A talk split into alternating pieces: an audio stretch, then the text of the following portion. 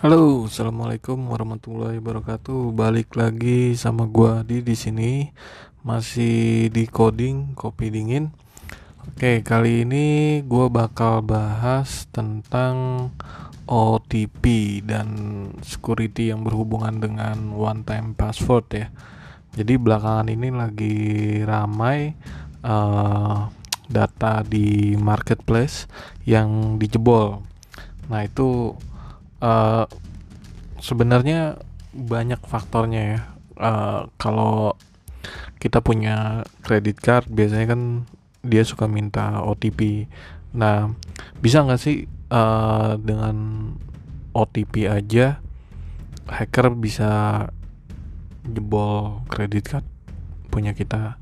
Nah sebenarnya OTP aja kurang ya karena tetap masih bisa tembus gitu kan Contohnya kalau dia tahu nomor telepon kita, dia bisa manfaatin fitur call forwarding ya.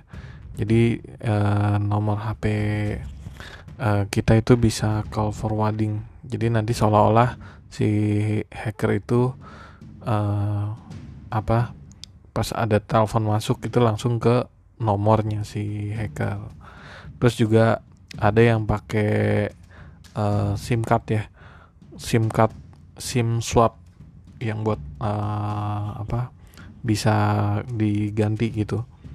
Dia bisa buka SIM cardnya ke operator buat ngeduplikat terus yang terakhir ada juga uh, social engineering ya. Jadi uh, sifatnya kayak phishing mengelabui korban untuk ngambil data pribadi biasanya dia nelpon uh, dia bilangnya dari operator untuk nanya konfirmasi dan lain-lain ke kita dan datanya dicuri sama dia dan dia datang ke operator uh, nomor handphone kita.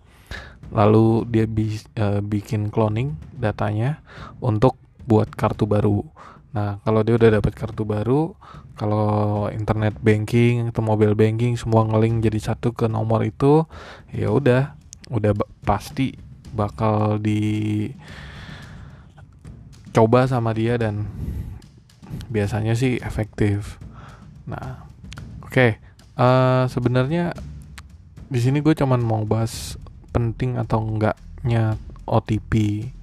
Uh, eh, gua rasa OTP itu penting ya karena kan setiap transaksi hampir semua uh, transaksi internet banking, mobile banking atau payment gateway dan e-wallet itu semuanya udah menggunakan OTP. OTP itu kan one time password ya yang bisa digunakan hanya satu kali gitu kan. Nah, jadi OTP ini jenisnya macam-macam. Nah, yang pertama itu uh, digunakan sekali gitu kan sekali aja. Jadi ketika OTP-nya keluar itu hanya bisa dipakai satu kali. Untuk transaksi berikutnya udah nggak bisa dipakai lagi. Atau OTP yang ada rentan waktunya. Jadi OTP ini harus segera digunakan batas waktunya 3 sampai 6 menit. Nah kalau nggak digunakan kita bisa request new OTP kurang lebih seperti itu dan yang uh, menarik OTP ini kan bisa melalui SMS atau melalui email. Jadi ada dua opsi tergantung dari si providernya ya.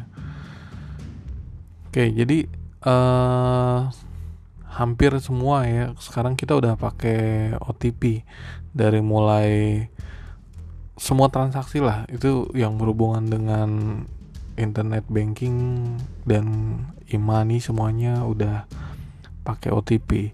Kalau ditanya penting atau enggak penting sebenarnya OTP sangat bermanfaat. Tapi ya itu dia sekarang banyak cara lah untuk uh, ngambil data OTP kita. Yang salah satunya tadi bisa dimanfaatin untuk social engineering si hacker atau menggunakan phishing. Phishing ini kayak apa ya? Uh, data dia minta data pribadi kita tapi bohongan gitu. Banyak cara untuk untuk uh, mengelabui korban. Yang pertama kalau memang uh, kita ada konsen ke OTP atau kita nggak pernah transaksi terus tiba-tiba keluar uh, nomor OTP di handphone kita nah itu biasanya harus kita waspadai bisa jadi ada orang lagi ngecek uh, transaksi online kita uh, apakah dia aplikasinya pakai OTP atau tidak gitu kan. Nah itu udah harus segera ganti password atau hubungi pihak bank untuk blokir. Nah terus kalau kita ganti nomor ponsel nih itu uh, penting juga. Jangan lupa konfirmasi juga ke bank bahwa nomor ponsel kita sudah ganti. Karena bisa jadi nomor yang lama kita itu dimanfaatkan sama orang yang nggak bertanggung jawab uh, atau masih terhubung dengan bank. Jadi bank taunya ngirim SMS-nya masih ke nomor yang lama. Jadi ketika jatuh sama hacker bisa dimanfaatkan. Oke okay, uh, eh, OTP itu kan keamanan uh, autentikasi dua arah lah ya. Jadi uh, eh, OTP ini bisa dibilang bisa sangat membantu ketika kita uh, sedang melakukan proses transaksi. Jadi uh, dia mengkonfirmasi ulang mau dilanjut atau tidak gitu kan atau autentikasi kayak kita dimintain password lah. Tapi passwordnya berbentuk 3 digit sampai 6 digit pin yang harus kita input. Seperti itu terus yang bikin kita harus waspada dari OTP ini ya itu dia uh, hampir rata-rata OTP ini kan dikirimnya ke SMS dan ke email. Kalau emailnya email kita udah apa pernah di phishing orang atau nomor handphone kita juga atau kita ngasih kode OTP ke orang lain ya itu sama aja kita ngasih akses buat orang lain untuk ngerampok kita gitu oke sebenarnya kalau mau ngebahas security uh, lebih baik yang di lock itu device ID lah kalau memang uh, mau security-nya lebih baik gitu kan. Jadi selain ada OTP, device ID-nya juga di lock gitu kan. Jadi ketika nanti ada transaksi, dia ngirim OTP dan dia verifikasi ini device ID-nya bener nggak nih. Contoh let's say pakai handphone gitu kan. Nah, handphonenya bener nggak nih? Nah kalau seandainya handphonenya nggak sesuai, nah itu bisa di lock. Itu kalau mau secure banget. Tapi kendalanya kan orang Indonesia handphonenya banyak gitu kan dan dia bisa pakai di handphone yang ini, handphone yang ini gitu kan. Agak ribet sih memang. Tapi itu kalau memang mau uh, secure ya.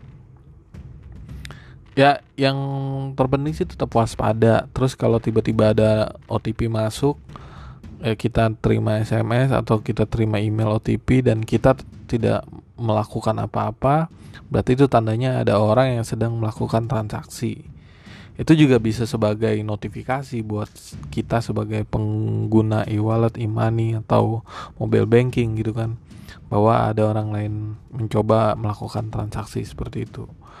Nah, e, balik lagi kayak cashnya di Tokopedia atau Bukalapak itu semua data kan keambil gitu kan.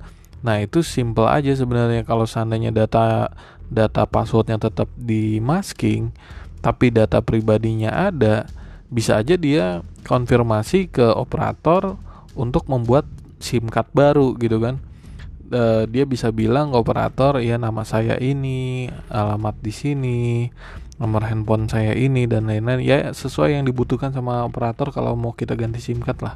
Sesimpel itu gitu kan. Yang penting datanya valid gitu kan. Kalau datanya valid ya udah. Dia bisa langsung minta nomor apa SIM card baru bisa dia pakai dan dia bisa cek mobile banking ya kan. Atau dia daftarin mobile bankingnya. Atau e-walletnya atau e-money. Ya banyaklah cara buat si hacker itu selama dia punya uh, data kita gitu kan. Makanya jangan sembarangan nyebar data kita di internet. Apa pun bentuknya ya.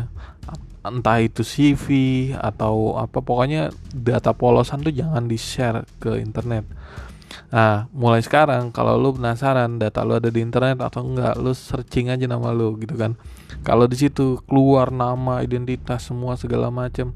Nah, lu lapor ke Google, di situ bisa kalau klik di Google gitu kan ada privasi minta dihilangkan uh, dari search engine. Nah, kurang lebih seperti itu. Kalau memang udah terlanjur kesebar ya.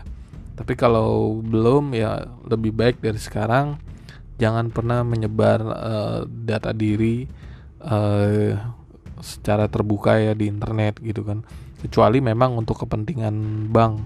Kayak dia minta selfie foto sama KTP dan lain-lain gitu kan. Kalau memang aplikasinya terpercaya dan udah ada OJK ya itu nggak apa-apa silakan. Oke uh, itu aja yang mau gua share. Intinya OTP one time password ini tetap aman. Ya sangat membantu juga dan uh, apa ya jadi kita juga ada alert gitu kan notifikasi oh ada orang transaksi gitu kan kalau kalau memang saat itu kita nggak transaksi gitu kan atau lebih secure lagi uh, itu dia tadi pas kita mau setiap transaksi harus ada OTP gitu kan. Nggak masalah sih buat gue OTP itu emang harus di semua apa transaksi digital ya. Kayaknya hampir semua sekarang udah ke arah sana gitu kan ya uh, mudah-mudahan sharing ini bermanfaat dan jangan lupa terus dengerin coding kopi dingin. Uh, selamat menjalankan ibadah puasa bagi yang beragama muslim. Oke gua Adi izin pamit. Assalamualaikum warahmatullahi wabarakatuh